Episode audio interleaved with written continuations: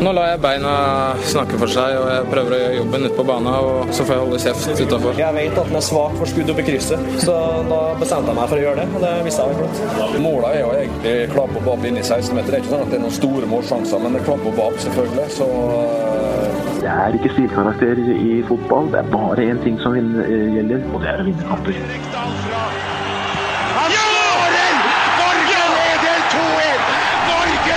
Kjetil Rekdal skårte, og her er vi tilbake. Uh, ganske mange år etterpå, men vi holder koken fortsatt i toppfotball. Velkommen, Jørgen Kjernås. Jo, tusen takk for det. En liten applaus. Applaus for Jørgen Kjernås. Han kan så mye. Ja, han kan veldig, veldig mye. Har du gjort noe spennende siste uka, Jørgen? Standardsvaret er vel nei. Ja, så vi, det svarer hvorfor forandre noe som funker? Det, det svarer du hver eneste ja, hver eneste gang. Jeg har vært ute, da. Det er jo blitt altfor sjelden. eh. Utendørs På eller på byen? Ja, ja, nei, utendørs er nesten hver dag, si. Det ute på byen, faktisk. Det, Hvor har du vært ute og jeg husker ikke hva det heter engang. Men eh, nei, er, såpass, vi er der. Det var i bursdag til en kompis, og da ble det jo litt fludium. Og det som sagt, det er blitt overraskende sjelden for tida, med barn og jobb og samboer og slikt. ja. Så Jeg har ett spørsmål til deg, Jørgen. yes. Dansa du? Å nei. Det Når dansa du sist? Nei, det eh, Jeg vet ikke om Altså, Hvis jeg hadde hatt en dansedommer her, så ville vel det korrekte svaret vært aldri. Ja, men sånn, du eh, vet, sånn Hvis jeg føler på byen. Nei, nei det, det begynner å Svetter bli under arma, gi jernet. Begynner å bli mange år siden. Ser ei dame på ja, gulvet. Svetter under arma kan hende. Svetter av lite bevegelse for tida, dessverre. Men uh, ja, nei. Det, det var nå ålreit. Ja. godt, godt å høre. Eh, Lasse Wangstein, velkommen. Takk for det. Er du en danser? Nei, Nei. virkelig ikke. Nei. Nei. Ok, har du, Så du har ikke dansa noe siste uka? Nei, jeg har ikke det. Jeg har vært, eh, vært på fest, jeg òg, utrolig nok. fest? Ja, 40-årslag. Dobbelt 40 40-årslag. Oi, oi, oi. Det var gøy. Ja. Ja. Så det var eh, også det, det er, Altså, man tåler jo ikke å holde på sånn lenger, så det var en uh, noe tung søndag. Ja. Ja, det var gøy. Det er fint. Ja. Sett noe ball? Ja. Ja. Sett litt fotball, sett ja. litt på Vålerenga. Og så fikk jeg jo med meg, selv om dette er toppfotball, så måtte jeg jo titte litt på Barcelona i går, og herregud, for et sykt lag. Ja. Ja, de- Er de, er de gode? Ganske. det, det visste vi jo fra før, men ja, altså de, nei, det er bare helt vilt. Det må være så kjedelig å være Celtic-spiller. Fantastiske Jeg, har, jeg må si jeg har ja. skåra opptil flere lignende mål som det Barcelona drev med selv. Men det, problemet er jo at det er på Fifa 14 og Fifa 15 at vi er da. Så. Håvard Lilleheie, allerede hengt deg på. Ja, jeg henger meg på. Ja. Det er jo det er derfor jeg Det er derfor du er her, egentlig. Største og eneste styrke. det jeg henger meg på. Fortell om uka di. Fortell oss nå. Hva har du gjort siste uka? Du var jo ikke med oss eh, forrige uke. Nei, det var jeg ikke. Var det en ny privat eh, jobbreise? Nei, nei, forrige uke var fordi jeg hadde sønnen min, tror jeg. Ja, det sant, jeg klarte ikke å komme meg unna eh, når vi snakker om kjedelige familiære ting. Eh, det jeg kan melde om av gøye ting, Ja. det ligger foran meg. Oh, ja. For i morgen skal jeg på Gardermoen og dra på den årlige blåturen med gamlegutta mine. Ja. Uh, så da skal jeg bare møte opp på Gardermoen. Det går et fly 0740. Uh, og så Man får aldri vite hvor man skal, men jeg har jo vært inne på OSL Yes. sine utmerkede sider og sett hvilke flyvninger som går. Og kommer fram til at jeg tror at det er enten København, Stockholm, Berlin eller München. ja, men eh, det kan jo være at det er et, en mellomstasjon. Nei, Jeg har fått, uh, fått, fått bekrefta at det er direkteflyvning. Oh, ja. Det har jeg. Okay. Men du er helt sikker på at det er 0 0740 avgang? Det er ikke bare han lurer deg med 20 minutter fra Det, det kan godt hende, vet du. Og det er fort gjort. og Og, da, da, begynner det å bli mange alternativer. Ja, og da er det kanskje Malaga. Jeg veit ikke. Oi, det var gøy. Men uh, det er i hvert fall Da er den årlige Og det, det er fire på alle mulige måter intense dager hvert år. Ja. Ja. Men er det, noe, er det noe fotball, eller er det ja jeg har jo sett uh, litt fotball, ja. Ja, Men det er ikke noe fotball på blåturen? Nei, nei, nei, for der er det ikke så mange. Det er mer sånn TV-filmfolk enn fotballfolk. Ja. Uh, så egentlig så skulle jeg også tatt den årlige borteturen til Ålesund og sett SIF borte denne helga. Men det røyk jo da pga. Ja. av, eh, av blåturen, dessverre. Synd det at men da må jeg få skyte inn at jeg måtte inn på OSL og sjekke, jeg òg. Det Ja. går jo faktisk et fly til Ålesund Oh! 0740. Så Oi, oi, oi, Jeg håper for din skyld, Håvard, at dere skal til Ålesund. Selv om Ja, klart at Stockholm og København og München det er helt OK byer, det òg. Det Ja, ja. ja. Men For, for Håvard sin skyld. Men funker eh, Sumo-appen der borte? Siden det er, det er vel ingen konkurrerende rettighetshavere på Tippeligaen? eh? Jeg vet ikke. Nei, det får vi bare finne ut av. Ja. Men det blir i hvert fall gøy. Jeg så fotball. Jeg så jo, som vi sikkert begge så, uh, Vålerenga SIF. Eh, Det var jo en, for, uh, for meg en etterlengta opptur.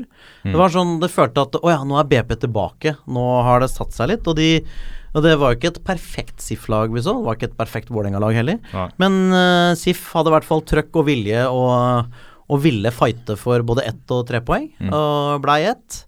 Jeg er veldig, jeg er veldig fornøyd med, med gutta sin innsats, faktisk. Ja. Mm. Ser du lys i tunnelen nå for, eh, for SIF? Ja, det er jo for tidlig, men øh, det, var, det jeg merka sånn både i forkant av kampen og i etterkant at det var en annen glede og trøkk i gutta, så får vi håpe at de, de tar med det. Eh, så veit jeg medaljetoget muligens godt, men eh, nå Nei, det så bra ut, eh, Erik Ulland eh, Andersen. Ja. Så fin ut, altså. Selvfølgelig. Han er jo ikke spiss, han var ikke perfekt, men sto bra. Og Glesnes har blitt vår beste forsvarsspiller. Det er fire poeng opp til bronsen. Det er jo ikke Medaljetoget har jo ikke gått, Håvard Lilleheie. Takk for at du er så positiv. Ja. det har vært så mørkt i det siste, så jeg har nesten vanskelig å se det for meg. Og da er pulsen eh, tilbake. Det ypperste vi har funnet av norsk som har skjedd i norsk fotball den siste uka. Eh, og vi har mye spennende å snakke om, men aller først så må vi snakke litt om Der Jørn, Håvard. Legenden. Vi, vi, vi var jo det første mediet til å uh, Ikke det første mediet til å melde om dette, men, uh, men uh, Vi var de første som tok det på alvor. Ja. Vi snakka med dokumentarfilmskaper Tommy Tommy Gulliksen unnskyld, Ja. som, har, som har vært der og, og jobba der, om hva som ville vente Jørn. Ja. Eh, men det er klart, det blir jo på en måte annenhåndsopplysninger. Mm. Nå har eh, høyt elskede Sportsrevyen eh, dratt og møtt Jørn i Pyongyang. Ja. Eh, og det var en nydelig reportasje, altså. Eh, og, og det er jo ofte sånn at når du ser TV på søndagskvelden, så kan du være liksom på lavenergi. Da satte jeg meg opp i sofaen, for her ville jeg ha med meg hvert ord og hver eneste lille nyanse. Skrudde opp lyden og spissa ørene, liksom. Ja, jeg var sånn Nå må jeg ha litt ro rundt meg. Jeg bare sa det til Ja. Mm. Sportsrevyen på sitt beste. Ah, Sportsrevyen på sitt aller beste. Ordentlig fin reportasje, altså. Ja. Uh, vekta og fin, både pro og kontra, og ordentlig journalistikk, vil jeg si. ja. Men du, vi snakket litt om det før eh, sendinga. Du, du har funnet en, en liten sekvens som du hadde lyst til å spille av for oss her i studio. Ja, for det var jo det, eh, også som Tommy sa, var at når du kommer dit, så blir du stilt overfor en del sånne moralske dilemmaer og ting som du blir liksom innlemma i, der du på en måte går kanskje forbi det du trodde du hadde av integritet. Mm. Uh, og jeg syns at det er de, Det er på ett punkt der, og jeg beklager, men jeg har litt sånn problem med NRK-spilleren min, men der de møter da Jørn i bilen.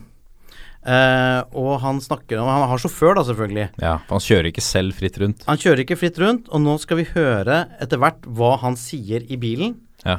Veldig, veldig fint her, for det er ikke så mye biler her. Det er aldri kø og trafikk, så vi har aldri vært redd for å stå i kø her. Det syns jeg Da klarer du å snu alt det du positive. Når du, sier her, det er verdens beste sted å bo, fordi du slipper å stå i kø. Det er en grunn til det, Jørn, fordi andre får ikke lov til å ha bil. Uh, det syns jeg var bare et helt, helt magisk øyeblikk. Eh, men det virker som Jørn har det bra. Ja. Eh, og også, vi så også Jørn eh, på en sånn ærestribune på en eller annen sånn eh, internkamp mellom noen nordkoreanere som, som pågikk, og, og du så publikum, de, de klappet sånn mot Jørn og, og kona hans. ja. Det var kjempefint, det var Har, nydelig. har han allerede fått heltestatus i Nord-Korea? Ja, for de har jo hatt brukbare resultater. Og, og, men det er klart, altså, han, han må jo Han må nok gjøre det enda bedre for å, å få til enda mer. Men eh, kanskje Jørn ser på dette her som en stepping stone til flere jobber i, i den delen av verden. Jeg, jeg veit ikke, men det var i hvert fall Jeg syns det var en kjempefin reportasje. Gå inn i nettspilleren. Den er jo gratis, som kjent. Ja. Og, og hør og se på det. ja. Nå er det mye reklame for NRK her. det, det, det, Det er på en måte reklame for oss alle. For Ja, ja, alle er betaler sant, er- lisens. ja, ja, og, ja. Vårt NRK. Ja, vårt Men NRK. Dra dette med Jørn og Steppingstone litt videre, da. Det kan jo hende i gangene på Ullevål at man skal se etter en ny landslagssjef etter hvert. Kan Jørn, med erfaring fra Nord-Korea, være en eh, fremtidig norsk landslagstrener? Det vet du, vil jo være Hvis vi skal være helt ærlige, så er det jo politisk umulig. Ja. Etter at du har vært eh, landslagssjef i Nord-Korea, så får du nok ikke den jobben i Norge noensinne. Nei, nei vi, vi sier jo det. Vi sa det i første, i første sendinga vår også. At Mm. det er kanskje noen dører han lukker der. Men, men eh, er det For en låvedør han har åpna, tydeligvis. da Det er jo, det er jo et ganske folkerikt kontinent. Ja, Så absolutt. det er klart, hvis han klarer å skaffe seg jobber der borte, så kommer Jørn til å bli Jørn er nok ganske velstående allerede. Han er rikere enn oss alle, kommer til å bli enda rikere. Ja. Noen trenerjobb i Sør-Korea tror jeg i hvert fall ikke han får. Det, Nei, det, det- det blir vanskelig. Det blir vanskelig. Helt Ja. Nei, det er veldig spennende å følge med, følge med Jørn Andersen. Vi må jo prøve, og, og det er et eh, ambisiøst mål, å prøve å få kontakt med han på en eller annen måte. Det, Kan vi dra på studietur? Det kan Fikser du det, Martin? Jeg skal se hva jeg kan gjøre. Hvis det er noen der som har lyst til å sponse en tur til Nord-Korea, så, så ta kontakt med toppfotball, så stikker vi inn og snakker med Jørn. Det er Jørn. Eller hvis det er noen som liker podkasten såpass dårlig da, at de føler at vi fortjener en tur til Nord-Korea på ubestemt tid, så, Enveisbillett. Så, som så tar vi kanskje imot det òg. Ja, alle liker oss, Jørgen. Alle liker oss. Ja, det er ingen som misliker dette. Du setter vel kanskje ikke på en podkast du misliker intenst, når jeg tenker meg om. Det er kanskje sant. med, med mindre du misliker deg selv like intenst, da. Ja, fantastisk. Uh, vi, skal, uh, vi kan gå litt uh, hjem igjen til et lag som Og hør på denne overgangen nå. til et lag du kanskje misliker litt som Vålerenga-mann, Lasse? Ja, jeg gjør jo egentlig det sånn innerst inne, så er jeg jo ikke noe glad i Lyn. Nei? Men jeg savner jo Lyn, Ja. som jeg har sagt før. Ja. Uh, for det jo, var jo veldig gøy med disse kampene mot Lyn, selv om Vålerenga alltid tapte eller spilte uavgjort. Helt ufortjent, selvfølgelig. Mm. Men uh, Lyn har jo uh, hatt en ganske bratt nedadgående kurve siden ja, midten på 2000-tallet, og driver jo nå roter nede på nivå fire, tredjedivisjon. Mm. Avdeling to. Um, og har jo nå med seks kamper igjen allerede sikra at de får holde plassen i den nye tredjedivisjonen til neste år. Som da skal bli en uh, mer spissa tredjedivisjon. Uh, og har vel egentlig også sikra seriemesterskapet, selv om det fortsatt er mulig for Skjetten å ta det igjen. Det er 13 poeng foran da med seks kamper igjen foran Skjetten. Og det, det er gøy å se at de i hvert fall får det til i den uh, ligaen her. Så får vi håpe dette er starten på en uh, snarlig retur til toppen av norsk fotball. Er det noen av de gamle godgutta som er der ennå? Nei, nå er det svært få. Uh. Ma Mats Dam var med en stund til og med i fjor, men har vel noen skader og Ja, andre okay. prioriteringer. Og det var jo uh, Endre Fotland Knutsen var vel uh, var også innom. Men de har jo han Torstein Andersen Aase, kan jeg tro. han? Jo han kommer fra Koffa og gikk til Lyn. For han syntes jo da Koffa rykka opp til Obos, det ble for høyt nivå. Ja. Det ble for seriøst.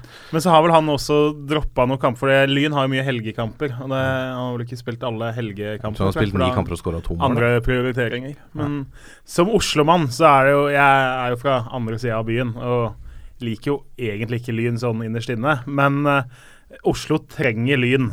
Mm. Eh, tipp, jeg mener jo Tippeligaen nå trenger de oppgjørene av Vålerenga-Lyn. Det, eh, nå er jo Men er det nok interesse i Oslo? ja, det blir jo litt ekstra. Det, Oslo trenger i hvert fall en nummer to-klubb. Nå tenker jeg kun med liksom Oslo-øyne. Så trenger vi den nest beste, og vi trenger litt rivalisering. Og Koffa har ikke det potensialet. De har liksom ikke nok historie, nok fans osv. Eh, selv om de driver veldig godt i aldersbestemt og gjør veldig mye rett, så kan liksom ikke De blir ikke noen klubb som kan utfordre Vålerenga på noen måte. da. De kan være nummer to-klubb. Skeid òg er litt samme, kan komme opp og kjempe på, på nivå to i løpet av et par år. og Sånn, men Lyn er så Med mindre man slår sammen noen klubber, så er Lyn eneste som liksom kan ha ambisjoner om å kjempe litt med Vålerenga, da. Mm. Ja, jeg syns det hadde vært strålende om det hadde skjedd igjen, men eh, jeg tror det er langt fram. Per i dag tror jeg ikke interessen i Oslo er stor nok til at eh, At det, det liksom hadde latt seg gjøre, si sånn. Og det, Lyn hadde jo dårlig tilskuertall da de var oppe sist, og Vålerenga har ganske dårlige tilskuertall nå. Mm. Uh, men det kan jo snu. Det har jo snudd før det. Mm. at det plutselig blir større interesse for fotballen igjen. Så det, det kan jo skje, og da hadde det vært strålende å ha Lyn der, altså. Så vil det kanskje ta seg opp når Vålerenga får en, en egen stadion. Ja, ikke sant. Når Vålerenga kommer seg til østkanten, og Lyn Mm. kan holde Så vi ikke drar på besøk til Lyns hjemmebane, liksom. ja, det- ikke sant. Det var jo litt tungt, det òg. Um, Lokalderby i, eh, i, eh, for Drammenslaga, Håvard. Savner du det? Med Mjøndalen? Ja, for eksempel. Eh, det var jo Jeg må si, altså i, i 2015 Mm. så var det jo når, når Markus avgjorde på Isaksen stadion bortekampen, det var mitt største øyeblikk. Mm. Eh, sånn enkeltøyeblikk. Det, det var sånn hysterisk øyeblikk fordi det var så mye, det var så mye følelser på bordet. Ja. Eh, så Det er både òg. Altså, jeg syns jo det var litt Det var jo litt deilig når de rykka ned. Ja. Men vet du, jeg skal jeg innrømme at jeg, jeg eh, når, de, når de slo Brann i kvaliken, Mm. da unna jeg dem det. Ja. Eh, men når de kom til Marienlyst under David Nilsen sitt kortvarige regime, og det ble 1-1, da unna jeg dem ingenting. Da var jeg da, Det var mørkt. Det er vel noe med sjarmen med det hatet. hatet. Vi vil, vi vil ha det hatet. Vi, nå, nå savner både kanskje godset uh, godse Nå har vi jo hatt mer enn nok med oss sjøl i år, Ja. med, med sjuke trenere og, og det ene og det andre, så det Ja, det skal vel bli tøft for Mjøndalen å rykke opp i år også. Da skal mye klaffe. Men Ja. de har jo sjanse til kvaliken. Men det er noe eget med lokaloppgjør hvor det er litt tenning, hvor det smeller litt. Altså. Det er det, syns jeg. Ja. Det, Ja, det, du synes det er jo kamper du husker. Det er jo, Ja, ja. Når man blir eldre også, så er det jo veldig mange en del kamper som man er sånn Åssen gikk det den matchen egentlig? Hva var det som skjedde? Ah, ja, han putta, ja. De kampene, Mm. de husker du glassklart. For det er jo sånne kamper som dette som i hvert fall jeg føler er litt med på å, å bygge interessen til norsk fotball. Så hvis vi får færre av de matchene, så synker vel også litt av interessen, kanskje. Kan hende. Ja. Og akkurat interessen og engasjementet er vel noe vi, vi har litt å jobbe med om dagen. Ja, det er jo det, og, og i hvert fall hvis det er sånn som det har vært en del år nå, at de potensielt store byene som bør ha topplag, da, som Mm. Oslo, Bergen, Stavanger eh, Altså nå er Trondheim holder på, da, men at de ikke har stabile topplag. Da tror jeg du sliter med å klare å generere den store. Og dette er ikke til forkleinelse for Odd eller Molde eller noen av de. Nei. For de, kommer, de skal være med de og kjempe det av og til, jo, men at du har disse store byene som i hvert fall av og til eh, litt mer stabil, kanskje da er med og kjemper om noe. Eh, det tror jeg kan bidra til å øke interessen.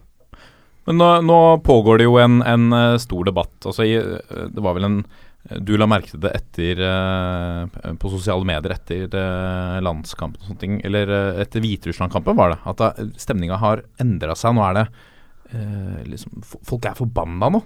Ja, det er Eh, veldig negativitet i forhold til landslaget nå. Ja. Og, det er jo akkurat som Altså, det var jo også veldig negativitet etter eh, de playoff-kampene mot Ungarn. Ja.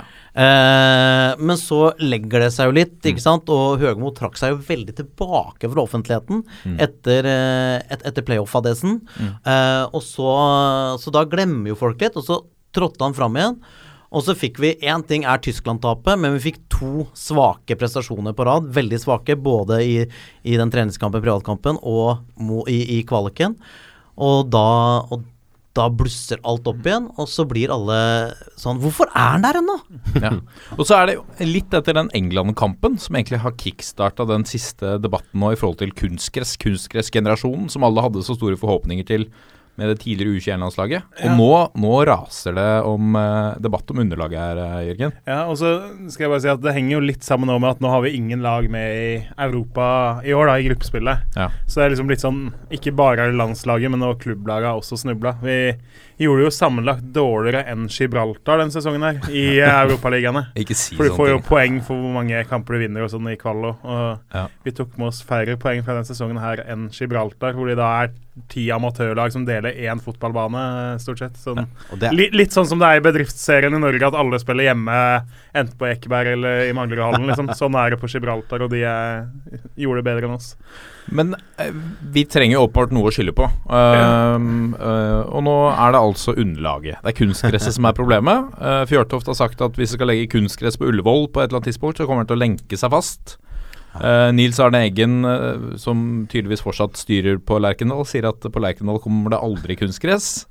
Eh, men, mens Kåre Ingebrigtsen på, på den andre sida uh, mener at dette er helt uh, skivebom. Hva, hva tenker vi Ja, altså, du har jo Reka har jo, og Solskjær er det vel som har gått ut og sagt at uh, kunst, altså, vi må ha bort kunstgresset hvis vi skal lage toppspillere og skal ha et uh, godt landslag igjen. Mm. Uh, og det her er jo da én Solskjær som har et lag som spiller på kunstgress, og to Reka som har et lag som neste år bygger ny stadion med kunstgress. Og det i seg selv er jo litt eh, underholdende. Ja. Uh, men de mener jo at dette er grunnen til at norsk fotball sliter, da, at vi har så mye kunstgresslag. Ja.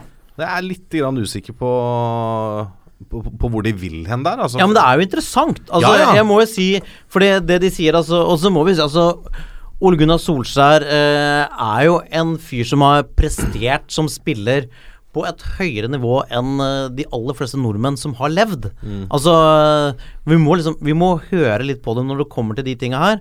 Og de Mm. sier jo det at, at kunstgress er et mer sånn tilgivende underlag, fordi alt er forutsigbart, ikke sant. Du har ikke tuster, du har ikke, du har ikke de greiene der, og ting går fortere. Eh, en, en sånn fysisk kjøttspiller vil ofte ha vanskelig for å komme inn i kroppen på den lette vingen, for den lette vingen kan alltids ta en, eh, en eh, pasning eh, inn som oftere går til medspillet pga. forutsigbarheten på, på underlaget. Og jeg, jeg kikka jo faktisk på den der U21-kampen. Uh, og jeg holdt på å begynne å sende tekstmeldinger. Uh, jeg var i ferd med å formulere tekstmelding til kompiser eh, på 0-0. U21-landslaget er helt konge. Det er disse gutta som må spille. Hva er jeg i ferd med å skrive inn? Og så bare smakk, smakk Eh, liten eh, Liten nonsjalans fra, fra Sander Berge. Rashford bare boom! Flytt deg!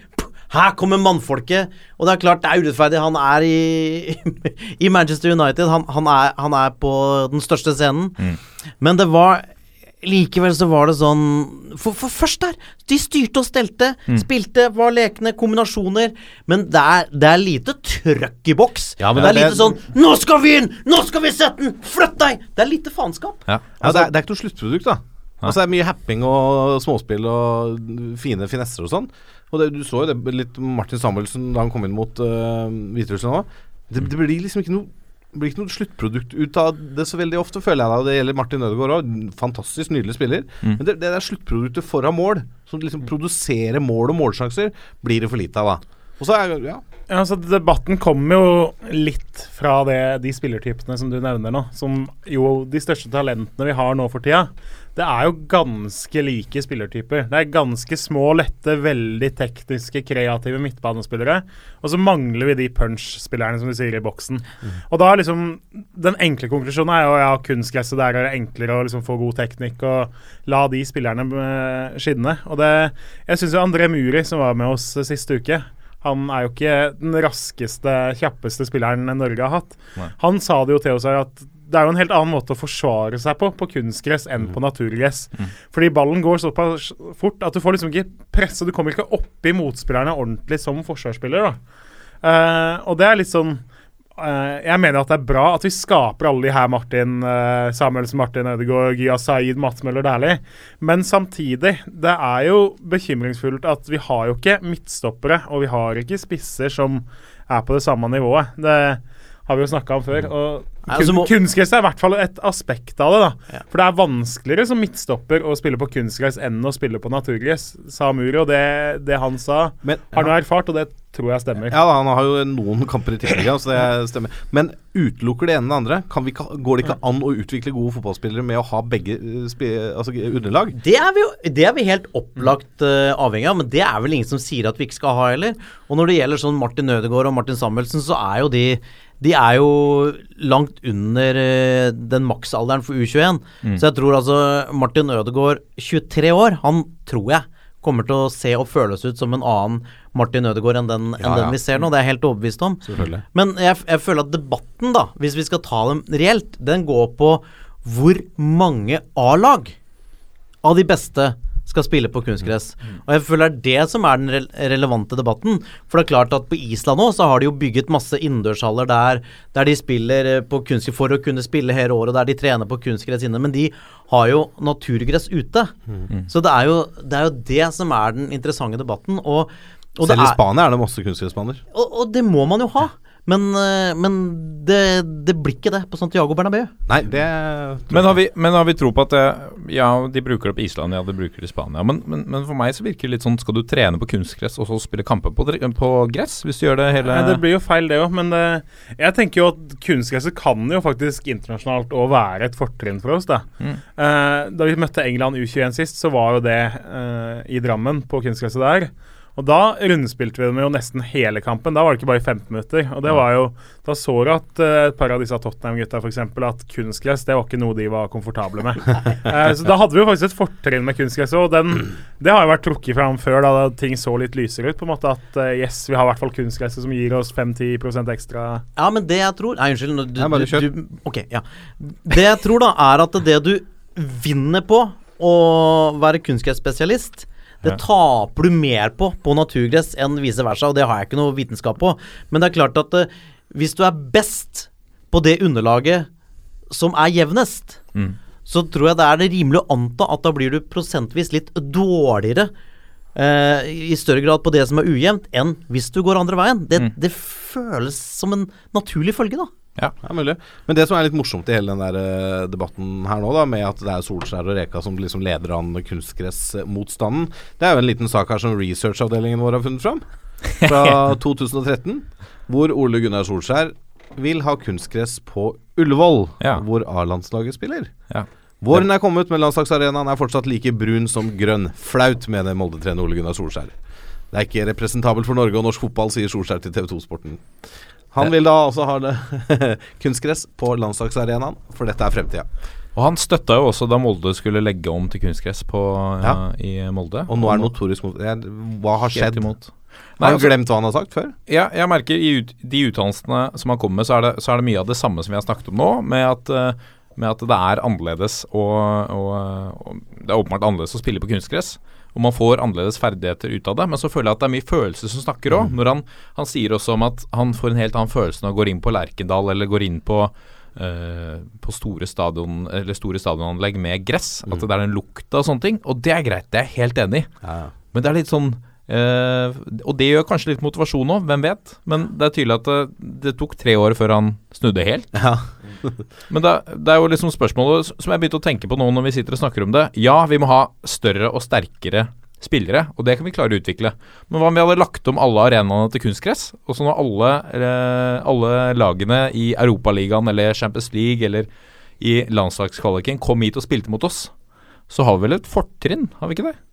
Kan det være løsninga, faktisk, på at vi har et lite Ja, Jørgen- Nå rister du på huet, du og Håvard, men eh, Ja, nei, altså Jeg er egentlig positiv til kunstgress, jeg, da. Selv om av sånn nostalgiske grunner så bør fotball spilles på gress. Men eh, jeg mener jo at det er en ressurs. Og, og Greit, ok, du får ikke lukta, du får ikke samme følelsen. Det er litt sånn treningskamp-feeling av og til. Eh, men jeg mener jo at det er såpass eh, Du får et stabilt, jevnt underlag. Da. Vi lever faktisk i Norge. Mm. Eh, vi lever i et land hvor svært få har vist at de greier å levere stabile gressbaner eh, over en hel sesong. Mm.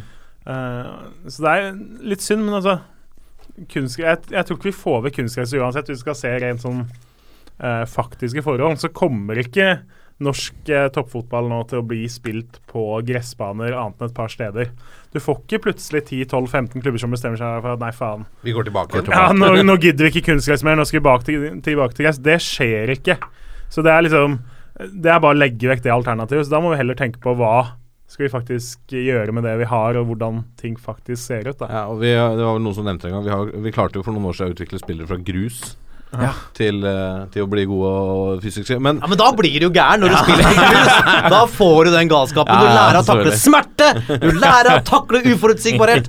Men, men det som eh, Ja, og jeg, det, alt dette er eh, Og jeg tror også at det reelt sett vil være vanskelig å, å gjøre om på alt. Ja. Men det som jeg Altså, hvis Jan Åge Fjørtoft har rett i sin påstand, ja. at vi spiller en annen sport her oppe enn det de gjør i de andre landene, da mener jeg at vi har et problem. ja, Og da det- må det adresseres. Må vi døpe dem da til uh, kunstball eller plastball eller uh, Et eller annet. Men nå er det vel flere av akademiene i England nå hvor de begynner å ha kunstgressbaner som en del av de unge trener en del på også. ja, ja. Eh, så det er jo ikke Altså, det brukes jo andre steder, òg. det er ikke noe norsk særfenomen. Nei. Selv om vi har ganske høy Altså, det som er annerledes her, er jo at vi faktisk spiller kamper på øverste nivå på det. Det, er den det som store er forskjellen. Ja. Nå har jeg vært så heldig å være på treningsanlegget til Real Madrid. mm. Vålerenga var og spilte treningskamp mot Rayo Vallecano for noen år tilbake, og da trente de på Real Madrids eh, eh, område. De hadde masse kunstgressbaner for de eh, yngre lagene som de trente på. Men det som er, da, hvis du skal ha kunstgress i eh, toppdivisjonen Norge, da må du i hvert fall investere såpass at det er gode kunstgressbaner. Sånn det, altså det, er, det er stor forskjell på kunstgressbaner. Det er stor forskjell på hvor mye gummi du bruker, så de blir myke og føles litt naturlige. Altså, se på bilder fra Tippeligaen nå. Så ser du enkelte stadioner, jeg tror det er Alfheim og i hvert fall Color Line, så ligger det sånne uh, Altså, det er ujevnheter i kunstgresset. Ja. For det har mista taket under gresset, så det er liksom sånne kuler i sånne ganske store, lange eh, På en måte opphøyninger i kunstgresset. Nå må du i hvert fall legge et godt kunstgress som er jevnt, da, og så ha bra med gummi på. Hvis du skal ha kunstgress, så kan ikke holde, holde på å slite ut kunstgress og ikke fylle på med gummi og, og vedlikeholder, i hvert fall. Nei. Nei, sånn er det jo. Det er store forskjeller. For jeg tror det er tre-fire år siden, da for Hønefoss var fortsatt oppe og var et lag å regne med i norsk fotball. da var det rundt sju-åtte klubber som hadde kunstgress i Tippeligaen. Og så blei spillerne via NISO bedt om å rangere da fra terningkast én til seks eller én til fem på de kunstgressbanene. Og da var det ganske Spillerne var enige, for å si det sånn. Var, jeg husker ikke hvem som var de beste kunstgressbanene. Men Hønefoss fikk liksom terningkast én og to av så å si alle. Og det samme gjorde jeg tror det var Alfheim òg. Ja. Det var liksom ikke sånn at de fikk noen enere, noen toere, noen fire. Det var liksom bunn på de to, og så de to som var gode, fikk terningkast Og da Og, sannsynligvis de som fikk best, de var dyrlagt. Ja. De hadde akkurat fått kunstgress, for da er det bra. Det er mm, bra For de blir slitt, disse gummi... Altså de gresstustene òg, da. Og da må du heller ta den investeringa og legge nytt dekke fra tid til annen, da. ja. Ja, men nå har vi et oljefond.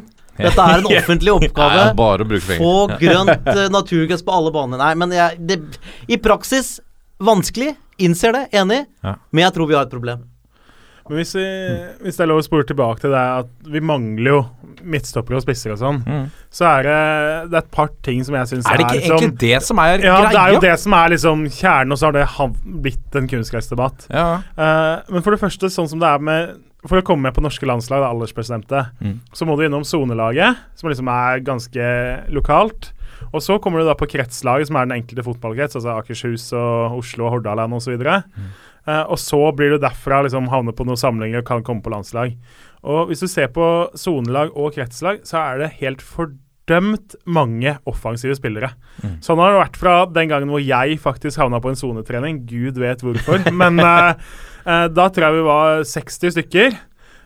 Og vi var da Vi skulle dele oss i keepere, som var sånn fem-seks stykker, for det hadde de kontroll på. Forsvarsspillere, midtbanespillere og spisser. Spisse var sånn 15 stykker. Forsvarsspillerne, vi var tre stykker. Resten var Ja, det var og det kom, dere kom dit, og så Hvor spiller du på han? Ja. Ah, spiss, da. ja, ja, men da skulle liksom Så det endte jo opp da med at uh, ikke sant, de beste midtbanespillerne fikk spille midtbane. De, de mindre gode midtbanespillerne spilte backer, stort sett. ikke sant? Og sånn er det nesten ennå. Det er helt vilt hvor liksom mange midtbanespillere som oppdages på yngre nivåer, og offensive kvaliteter, da. Mens uh, de defensive, der oppdager du de som er liksom beyond alle andre. Men uh, det blir liksom litt oversett, da. Mm. Uh, og samme deg, er det Jeg har snakka med et par altså, som ser en del uh, av disse juniorlagene rundt omkring og, og snakka med litt folk. Og det Forsvarsspill prioriteres ikke like høyt liksom, som det å ha et godt angrepsspill.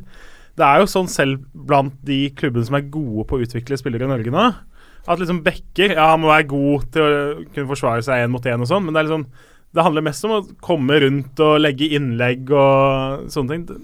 Å forsvare seg ordentlig godt er blitt en litt sånn derre forsømt oppgave, nesten, som vi har lagt litt vekk i iveren på å bli så gode offensivt, da. Ja, for er det kanskje fordi vi alltid har vært gode på det?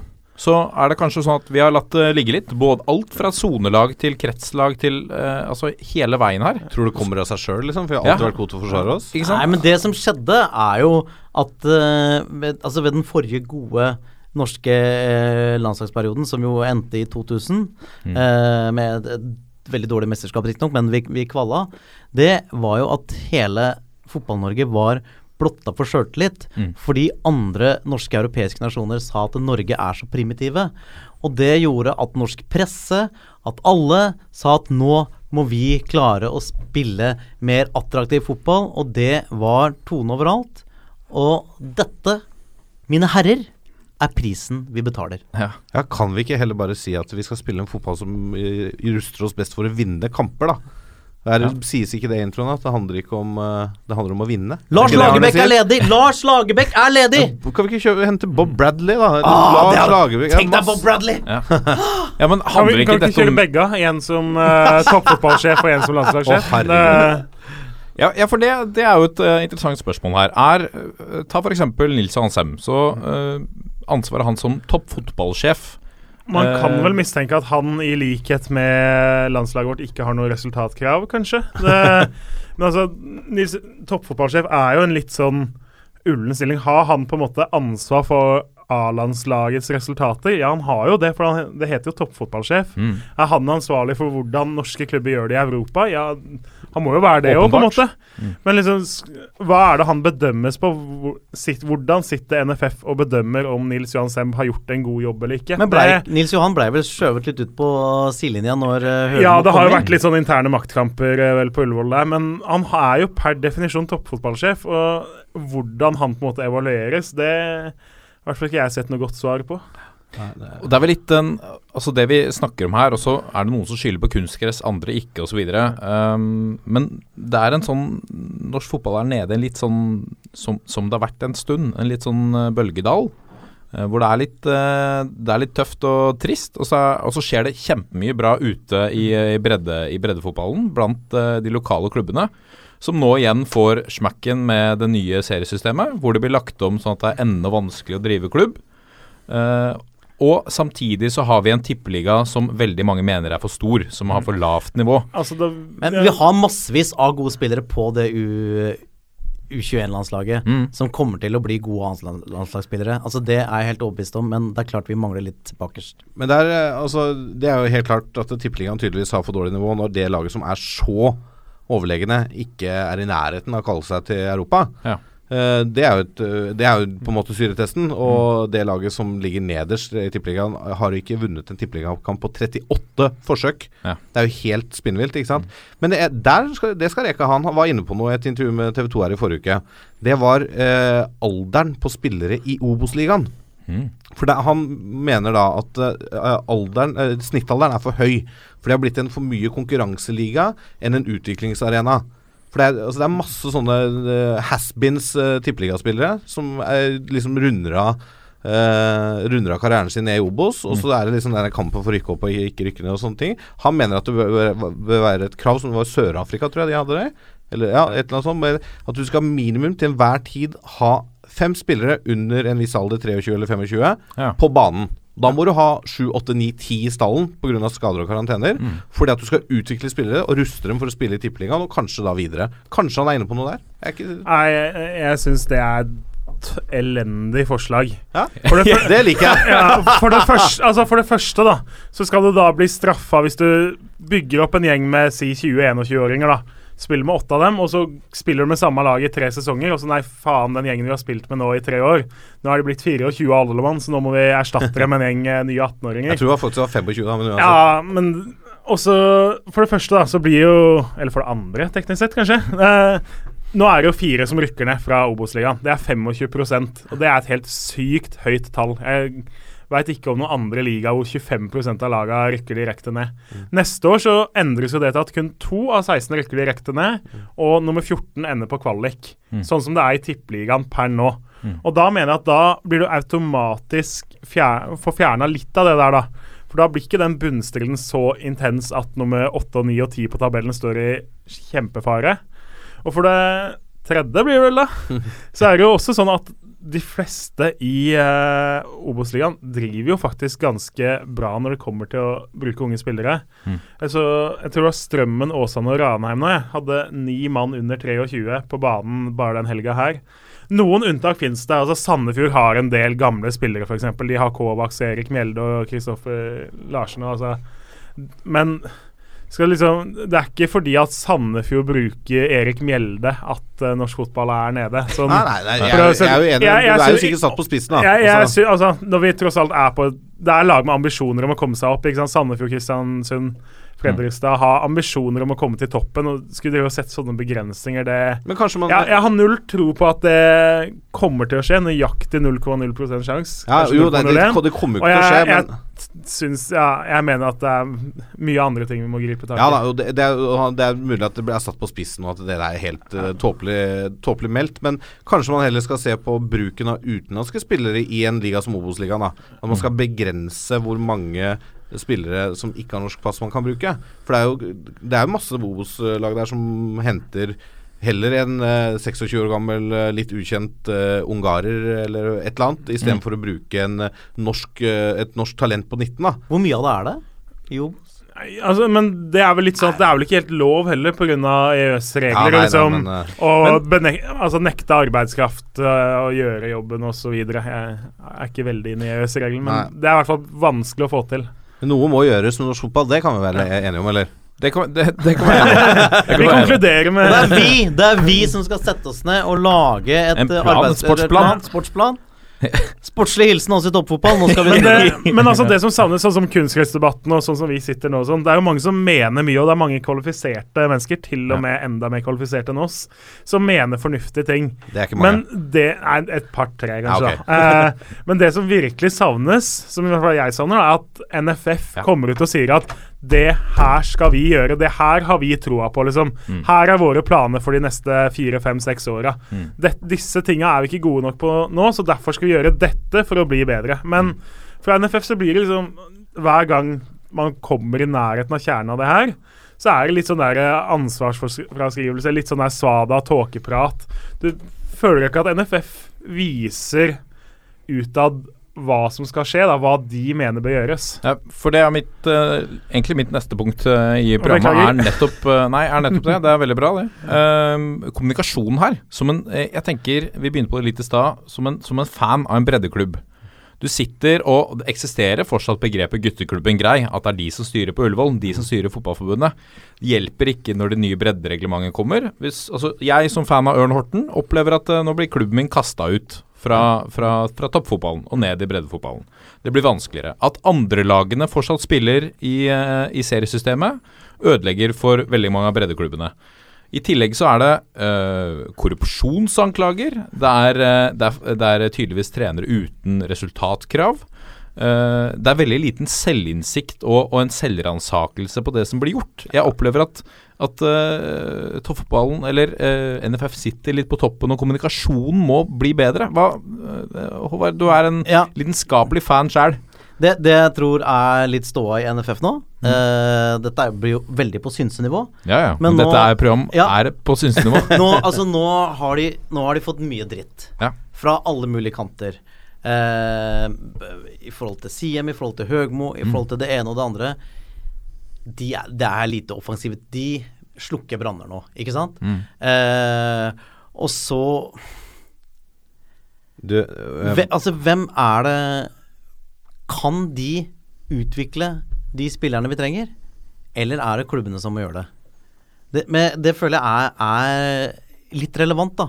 For at eh, Altså, Terje Svendsen Han kommer ikke til å, å sørge for at, at At du får en ny stopper. Nei. Nei.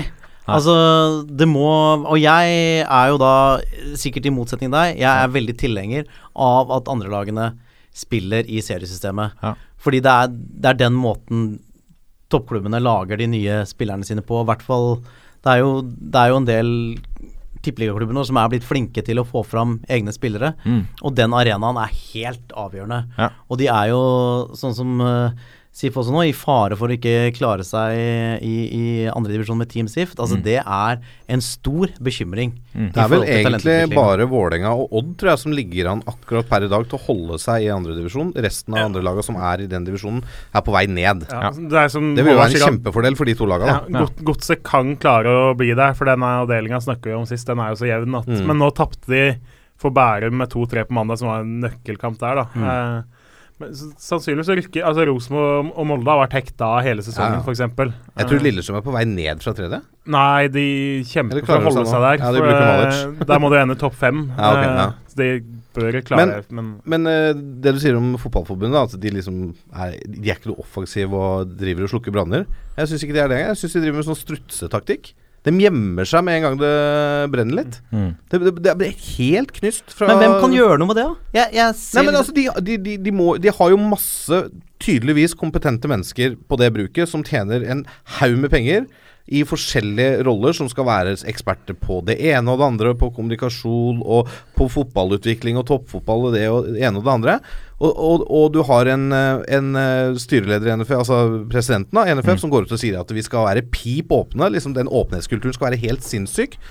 Og når du, men når det kommer til stykket, og det står og brenner, så svarer han ikke på spørsmålene han får fra pressen. Ja. Men hvis- hva, hva er det? Ja. Ikke sant? Ja, og, og det, det er et problem.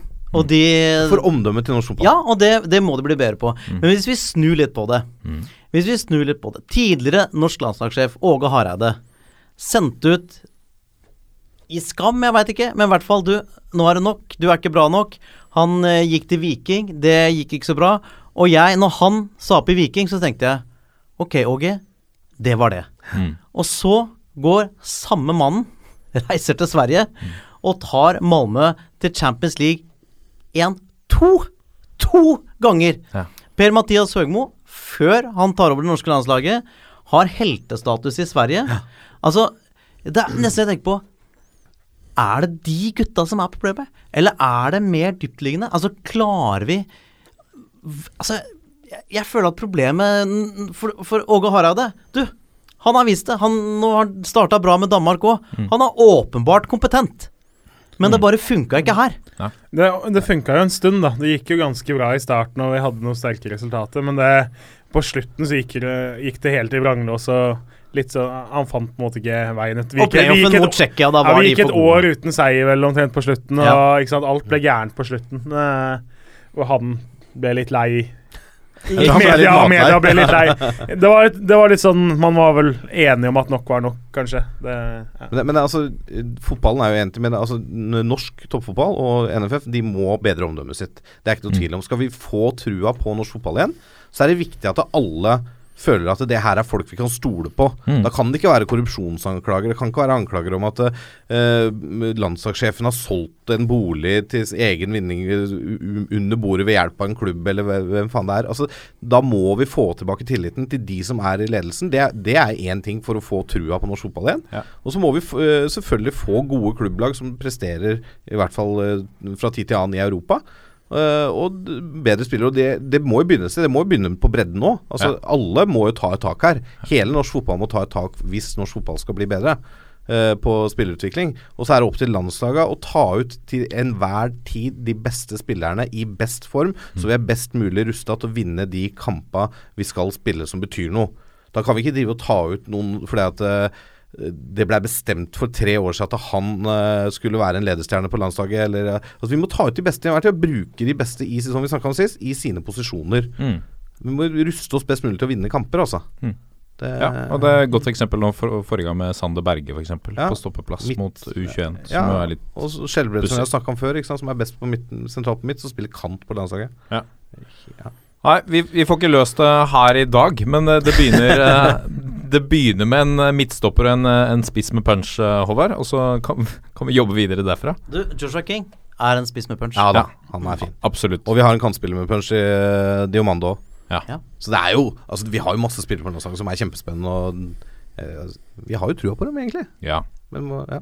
Og det blir spennende fortsatt å se, og få tilbake litt selvtillit nå. Skal, jeg- skal jeg komme med en brannfakkel? Ja. Om Skal vi være redde? Nei, 12, 24, 30 Om 36 måneder Mm. så er A-landslaget ganske mye bedre enn det er nå. Ja. Det er jeg ganske sikker på. ja, den fakkelen gidder jeg ikke å slukke. Nei, Nei. Men det, det tror Vi jeg er løfter den fakkelen og Og det, holder den og, det, og, det, og det baserer jeg på U21-landslaget før eh, Rashford løp fra Sander Berge. og, og ting raste litt sammen. Det var Fossum sin pasning som var dårlig. Vi har, sant? Dårlig keeperspill. okay. ok.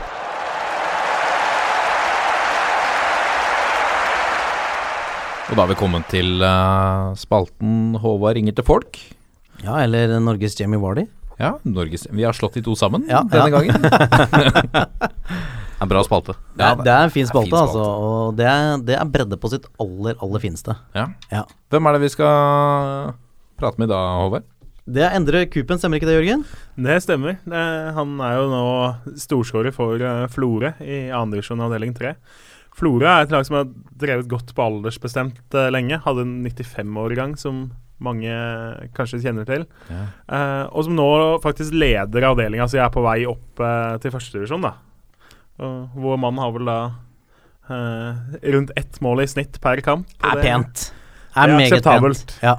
Og når vi da i tillegg veit at eh, så seint som eh, forrige vårsesong, altså vårsesongen 2015, så spilte han i fjerdedivisjon for uh, Tornado Måløy, før han da ble henta til Florø sist sommer, så uh, har han jo gått gradene, liksom. Det, Det høres ut som en potensiell Jamie Wardy på ordentlig. han har jo faktisk en del Han tikker en del av de boksene, da. Ja. Ja, han gjør det. Vet ikke om han er straffedømt, men uh, Flest skåringer på de tre øverste nivåene per nå? Ja. 21 mål, 21 meget mål. pent. Vi ringer han, gjør vi ikke det? Jo, det gjør vi. Jo, vi må ringe han. Ja, hallo? Hallo, er det Endre Kupen jeg snakker med?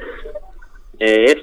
Ja, du Så hyggelig, for dette her er eh, Håvard Lilleheie. Vi sitter her, vi lager, eh, vi lager podkasten Toppfotball, der vi tar for oss eh, norsk fotball. Og vi liker jo noen ganger å, å snakke med storskårere. Og du er jo den som skårer mest i de tre øverste divisjonene, Endre. Ja, stemmer det. Åssen føles, føles det? Nei, egentlig ingenting. Men det er jo stor forskjell fra andredivisjon til tippeligaen. Ja, Men likevel. 21 mål. Du har, du har nesten ett i snitt, altså. Og, og nå ligger dere godt an til å, å rykke opp i, i førstedivisjon og med, med Florø. Eh, Det stemmer. Ja. Er det, hvis du skal trekke fram tre av måla dine i år som du husker spesielt godt, kan du, for, kan du fortelle litt om eh, de tre aller fineste måla du har skåra i år? Å, herregud. Jeg vet Det er vanskelig å være uforberedt. Det er litt dårlig gjort. Men uh, snakk om ett én. Du har én perle, eller er alle innafor femmeteren? Uh, Herregud. Nei, alle er ikke innom femmeteren. Det er noen skudd. Ja. Jeg skåret på hodet, faktisk. Det det vet jeg å gjøre. ja. Det er ikke så ofte du gjør. Nei, egentlig dårlig feil, det. Ja, men Det er veldig bra. 21 mål, uansett helt topp. Og, og, men har du Men andredivisjon er altså det, Dette er det høyeste nivået du har spilt på så langt i karrieren din, stemmer det? Ja, jeg kom fra fjerde divisjon til andre. Ja, og, og hvor gammel er du, Endre? Jeg er 26. Du er 26 år. Du, altså, du ligger godt an til å kunne bli Norges eh, Jamie Wardy. En, eh, en late bloomer. Nå ja, det var litt å ta i. Hva slags, eh, hva slags, eh, hva slags spisstype er du? Nei, jeg er, jeg er, ikke så høy, da. Jeg er liten og kjapp og dribler sterkt og ja, vet ikke, rask. Rask og sky skyter bra med begge bein, eller? Ja, jeg, er- jeg skyter med begge beina. Ah, dette er nydelig. Og, det, og du veit det, nå er du 26 år. Et eh, lite opprykk nå. Og så hevde seg i, eh, i Obos-ligaen. Og da, Endre, gud Det er ingen som veit hva som skjer da, vet du. Nei, Jeg må først rykke opp, da. Det er jo fortsatt seks kamper igjen. Ja. Hva, hva tenker du er oddsen for at dere klarer det? Nei, fortsetter vi sånn som vi har gjort. i Jeg har bare tatt én kamp i år, og det var mot Lys Kloster. og Der sto vi nå på bortebane. Hva, hva, hva, slags, hva slags type fotball er det Florø spiller? Vi spiller holde ballen i laget og springe som faen. Og du, men eh, har, du, har du mye assist òg, eller, er eller er det kun goller? Hva sa du nå? Har du mye assist også, eller er det kun scoring? Eller har du mye målgivende nå? Ja, jeg har noen assist òg. Til han uh, hintoppskåreren vår, Erlend. Ja, du, dette Og til kantspilleren vår, Rashad. Du, det er nok en av de ja. har det, Vil du si at denne sesongen har gått over all forventning for deg? Ledende spørsmål, men likevel. Ja, for min del har det gått utrolig bra, da. Ja, egentlig for Flor òg. Altså. Vi har et bra lag, og jeg har plass som plassene på laget, så Nei, det, det blir bra, håper jeg. Du, Det har vært meget bra så langt. Hva, hva slags underlag er dere spiller hjemmekampene på? Gress. Det er gress, ja! Det er godt gammel naturgress, og, og da er det jo veldig aktuelt å spørre om uh, uh, Føler du at du blir en bedre spiss av å spille på naturgress enn bare å spille på kunstgress? Ja, jeg er ikke så glad i kunstgress. Naturgress er best. Ja, hvorfor, uh, hvorfor er det best? Nei, for det er så mange dårlige kunstgressbaner rundt om i landet, og det er så hardt på føttene å bare springe på etter det. Det er mye mer skade med kunstgress enn det er på vanlig gress, spør du meg, da. Det er min mening. Ja. Og det, så du, det, er, du er veldig Det er klokkeklart hvor du står i kunstgressdebatten. Ja. Ja. Det er vel egentlig ganske enkelt. Ja. Men du, tusen, tusen takk for en uh, fin prat. Lykke til med, med sesonginnspurten. Og så håper jeg at hvis du blir stående som den mestskårende spilleren i, eh, i Norges eh, tre øverste divisjoner, at vi også kan få ta en prat med deg etter sesongslutt. Det kan nok ikke forvente hvis det skjer.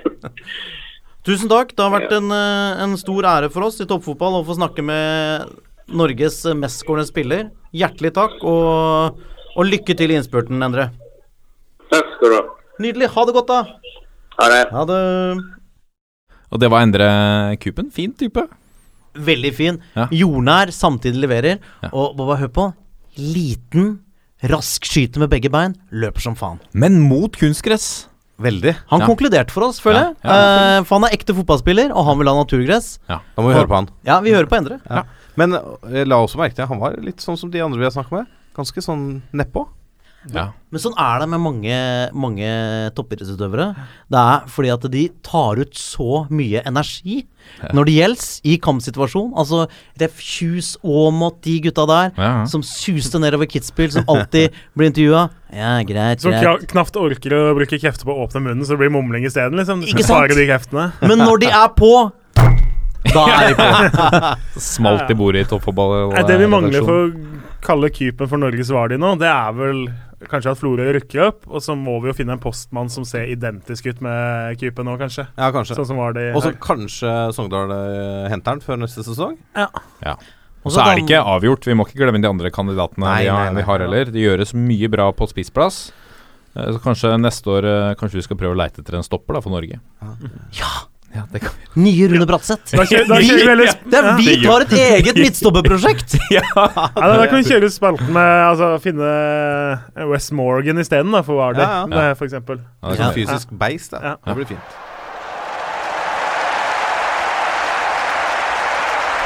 Etter helga ruller uh, Tippeligaen videre, og vi har som vanlig plukka ut eh, fire matcher som eh, vi skal se litt eh, nærmere på. Det er viktige oppgjør både for topp og bunn. Eh, og i Haugesund, uh, Lasse, der kommer uh, Der står Vålinga på motsatt halvdel. Ja, det er jo en spennende kamp. Det er to formlag egentlig som møtes. Absolutt. Eh, Haugesund er jo ordentlig med i medaljekampen, ligger på tredjeplass. Og poenget foran Brann og kun to poeng opp til Odd på sølv. Mm. Fem kamper uten tap og en ganske sterk 0-0 bort mot Molde sist, selv om de spilte med ti mann siste kvarteret ca. Ja.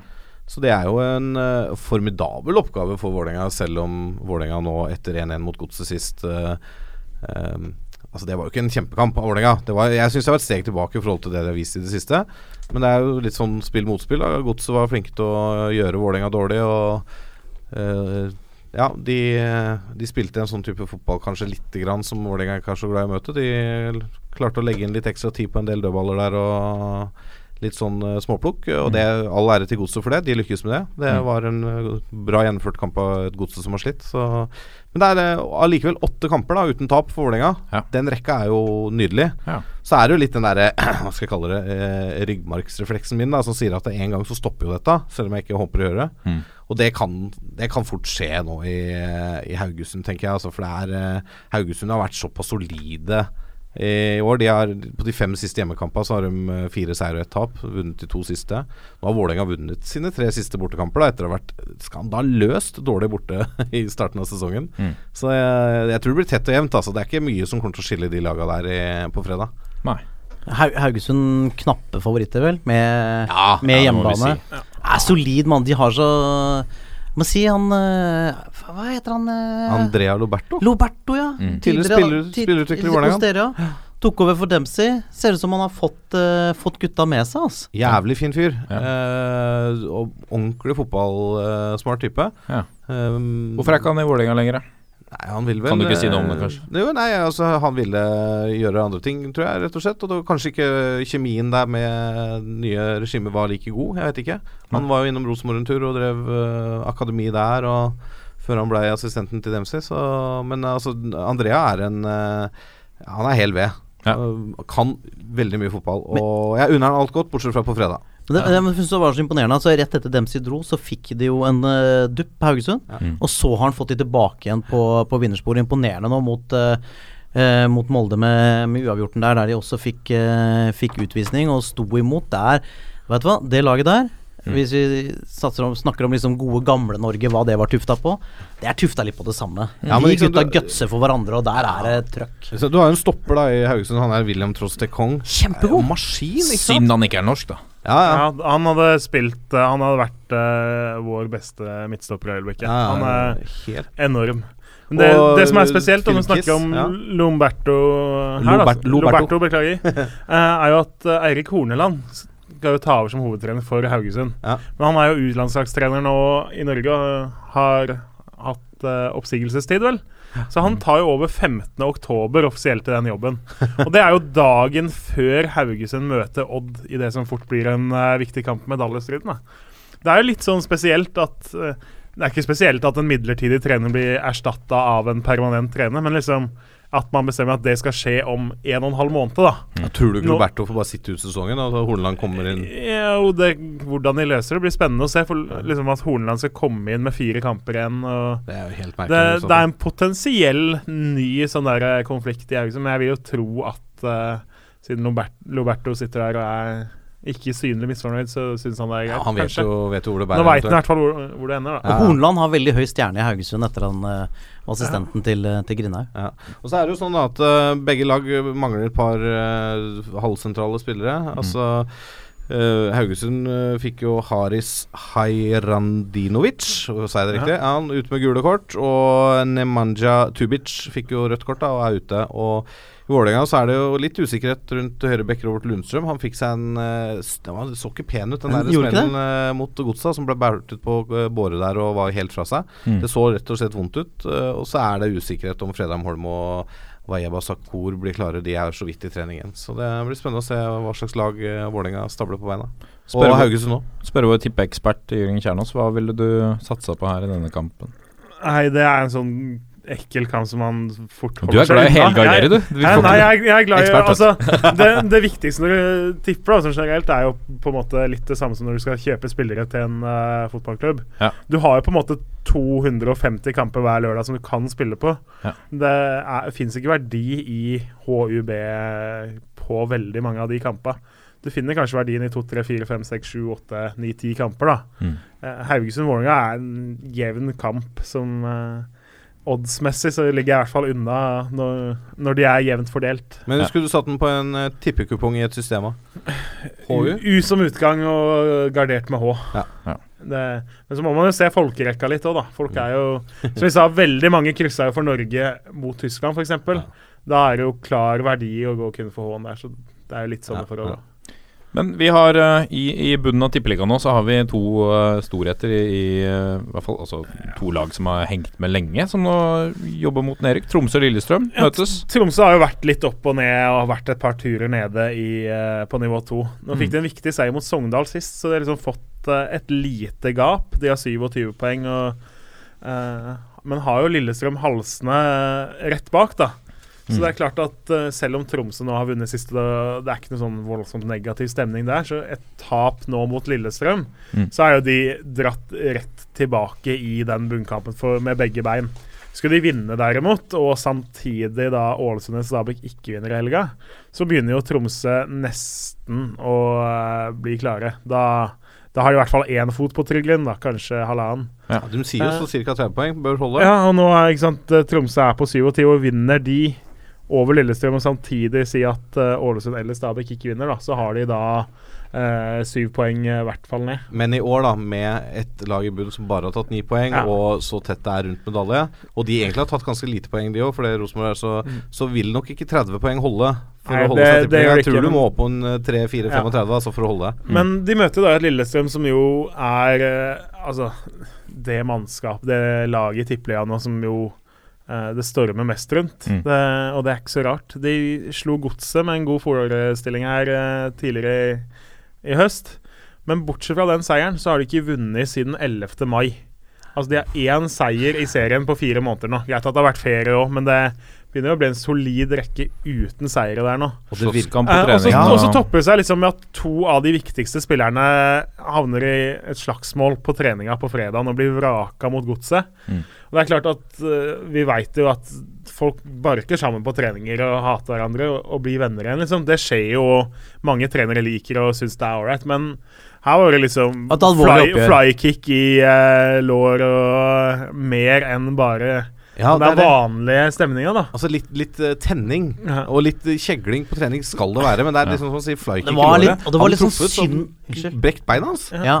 Og det, det, var litt, det var litt synd på dem mot uh, Odd òg, syns jeg. Liksom kom tilbake to ganger, Ja. og så er liksom Espen Ruud on fire. Og det siste frisparket der er bare sånn what?! Men det- Han har jo satt noen sånne før, men det var liksom Men det der, var, man fikk jo Altså, jeg, Arnold Origi hadde redda det 2-2-skuddet til Espen Ruud. Det er nesten Ja, ja. som Bjørnson Ja. slipper inn. Så man kan jo si at denne utstengelsen ble poengavgjørende. Men det her er Sånn sett. typisk bunnlag. Mm.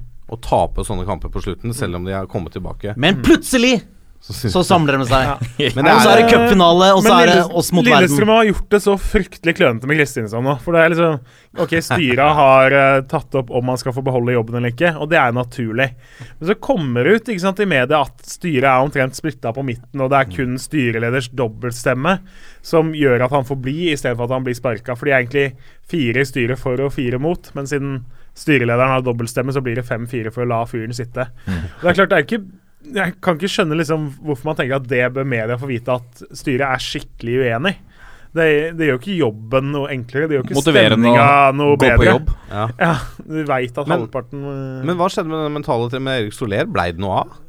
Soler er- er står vel- ansatt som uh, mental trener, men det Det ble ja. sagt nå at han er inne for å styrke båndet mellom Torgeir Bjarmann for å knytte han nærmere mot uh, Runar Kristinsson. Ja. ja, så det er egentlig ikke Ja. mot spillergruppa som kanskje trenger det? Det virker, jeg tror det er mental oppfølging av disse to gutta. Nei, altså. Lillestrøm er jo Nå har de jo vært oppe siden midten av 70-tallet, ikke sant? og de feirer 100 år neste år.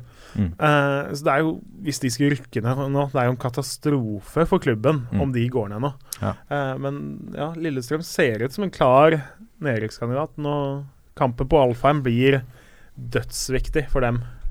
En annen kamp som er viktig for, uh, for Lillestrøm, egentlig, er jo Ålesund-Strømsgods, uh, Håvard. Ålesund det. uh, ligger uh, rett, altså tilsvarende av poeng med, med Lillestrøm på tabellen. Og har jo også hatt uh, en forferdelig rekke fram til. Ja. Uh, de nå slo Start uh, 4-1. Mm. Eh, ah, men det er vel likevel Altså, hvis SIF skal liksom Hvis vi skal snakke om en positiv tendens, da at det ikke bare var et blaff mot Vålerenga, Mm. så er jo det en kamp Godset skal vinne. Eh, rett og slett på, på kvalitet. Mm. Eh, skal være bedre enn OFK. Det kommer til å være det kommer til å være klassisk sånn nå drar det seg mot uh, slutten-kamp. Altså eh, Ålesund kommer til å liksom satse alt på De kommer til å prøve å krige Mm. eh, hjem tre poeng. Og, og SIF har jo spilt veldig sånn pragmatisk bortekamper under, eh, under BP, og ofte ligget litt lavt. Så det blir spennende å se om dette er en kamp de liksom prøver å styre litt mer, Mm. eh, fordi, de, eh, fordi de skal kvalitativt eh, være, være bedre mann-mann. Mm. Nå er jo Markus Pedersen ferdig med sin karantene. Og Tommy Høiland? Ja, Tommy Høiland starter nok ikke. Nei, nei, men det er jo en Ja. bra joker det er plutselig Ja. spisser uh, Det er plutselig spisser. Eh, nå var jo Ulland Andersen var jo ganske bra mot uh, Vålerenga, Mm. men jeg tipper vel at de går for, eh, for Markus igjen og la han, eh, og la han bryne seg. Jeg eh, Skulle jeg levert inn en uh, tippkupong, ja. så hadde jeg satt UB. Ja. Mm. Var det kun med hodet, eller? Å, kun? Ja, ja, utelukkende. Ikke med? Jørgen hadde gjort det samme. Ja, du får, eh, jeg, jeg tror Ålesund uh, griper sjansen, faktisk. Det, Eh, har litt H-feeling der. Ja, Ålesund har egentlig ikke så dårlig rekke vet. De, altså, de, de, før seieren nå så hadde de én uavgjort og to tap, men før der igjen to seire. Det er jo en betydelig bedre form da enn det Enn det godset har vært. Godset. Men jeg, og så tenker jeg godset på Men jeg som pro godsemessig, så det er jo kunstgress. Det bør jo være til fordel for godset, da. Jeg tror Ikke jeg dra opp til kunstgressgreiene igjen, da. Vi er Nei, det er bare Ja, men jeg, Bare jeg, jeg, bare Og dette blir emosjonelt igjen, men ja. godset er på gang igjen, tror jeg. Spennende. Og, men eh, Ålesund har ansatt ny assistent, vet du. Så det kan Ja, bli tøft. det. Kan bli tøft. Ja. Uh, jeg har plukka ut eh, Odd uh, Stabæk til meg sjæl. hvor vi allerede snakka om Espen Ruud. Hat trick. Uekte, uekte hat trick, kanskje. Ja, uekte, men altså, skårer du tre hat-trick. mål som høyreback, så drit nå i at det var et par andre som skåret Ja, greit, innimellom. Det, Skal drite i det. Eh, tre- Han skårer ikke tre neste kamp. Nei, det har jeg også skrevet ned som et poeng her. At uh, det må noen andre gjøre. Uh, og det var ikke så veldig mange andre kandidater kanskje til å gjøre det mot Lillestrøm. Eh, da mangla det jo Ocean, da. Så Rik Riski på topp fikk jo én svær sjanse, men er, var ikke- det. er ikke i samme klasse. Nei. Og, men, og nå er vel Ocean tilbake til karantene mot Stabæk. Um, Sen Berge er fortsatt ute, er vel ute resten av sesongen på stoppeplass. Og Seknini fikk en skade nå, som dessverre for han og uh, Ja, enda en teknisk spiller, kanskje dessverre for Norge, jeg vet ikke. Vi må ha litt mer punch. Men, men han er ute, ute også, og var uh, mye av beholdninga for, for Odd øh, offensivt. Eh, jeg syns at uh, det er ikke gitt her at det er en uh, Vi snakker om en sølv, sølvkandidat i, i Odd som har Nå har de to poeng ned til Haugesund. Men det forsvarsspillet de presterer mot, uh, mot bunnlaget Lillestrøm, det er ganske horribelt til tider. Det fins ikke mannsmarkering og Nei, det er jo Altså, det er jo et lag altså, Og det er jo et lag som er, egentlig er litt ute av form. Mm. De har vært dårlige i det siste. Men jeg tror allikevel med at gress, Jeg tar igjen av gresslaget Stabæk kommer til kunst- kunstgresset på Skagerrak, da. Ja. Og det, jeg, tror, eh, jeg tror rett og slett Odd blir for sterke altså, for Stabæk. Og, og Stabæk har liksom ikke evna å, å vinne kamper heller. Mye uavgjort i det siste. Evner Ja, men, men så har du en litt uh, positiv tendens. Nå hadde de uh, en uavgjort, en seier og en uavgjort igjen, og så kom det tapet mot eh, Rosenborg. Som, øh, Rosenborg-kampen er jo litt eh, den, den kom litt på feil tidspunkt for, uh, for Bærumslaget. Ja. Um, fordi de har sett mer lovende ut etter overgangsvindu. Um, nå dominerte Rosenborg sist. Men, men den, der snakker vi om punch. I det Stabæk-laget med Morten Skjønsberg, nå ble han den mest Den, den Stabæk-spilleren med flest eliteseriekamper ble han nå sist. Gikk forbi Jon Knutsen. Og det er et lag som, som virkelig fighter. Jeg tror de har blitt bevisst på at nå må vi slåss litt her for å beholde plassen.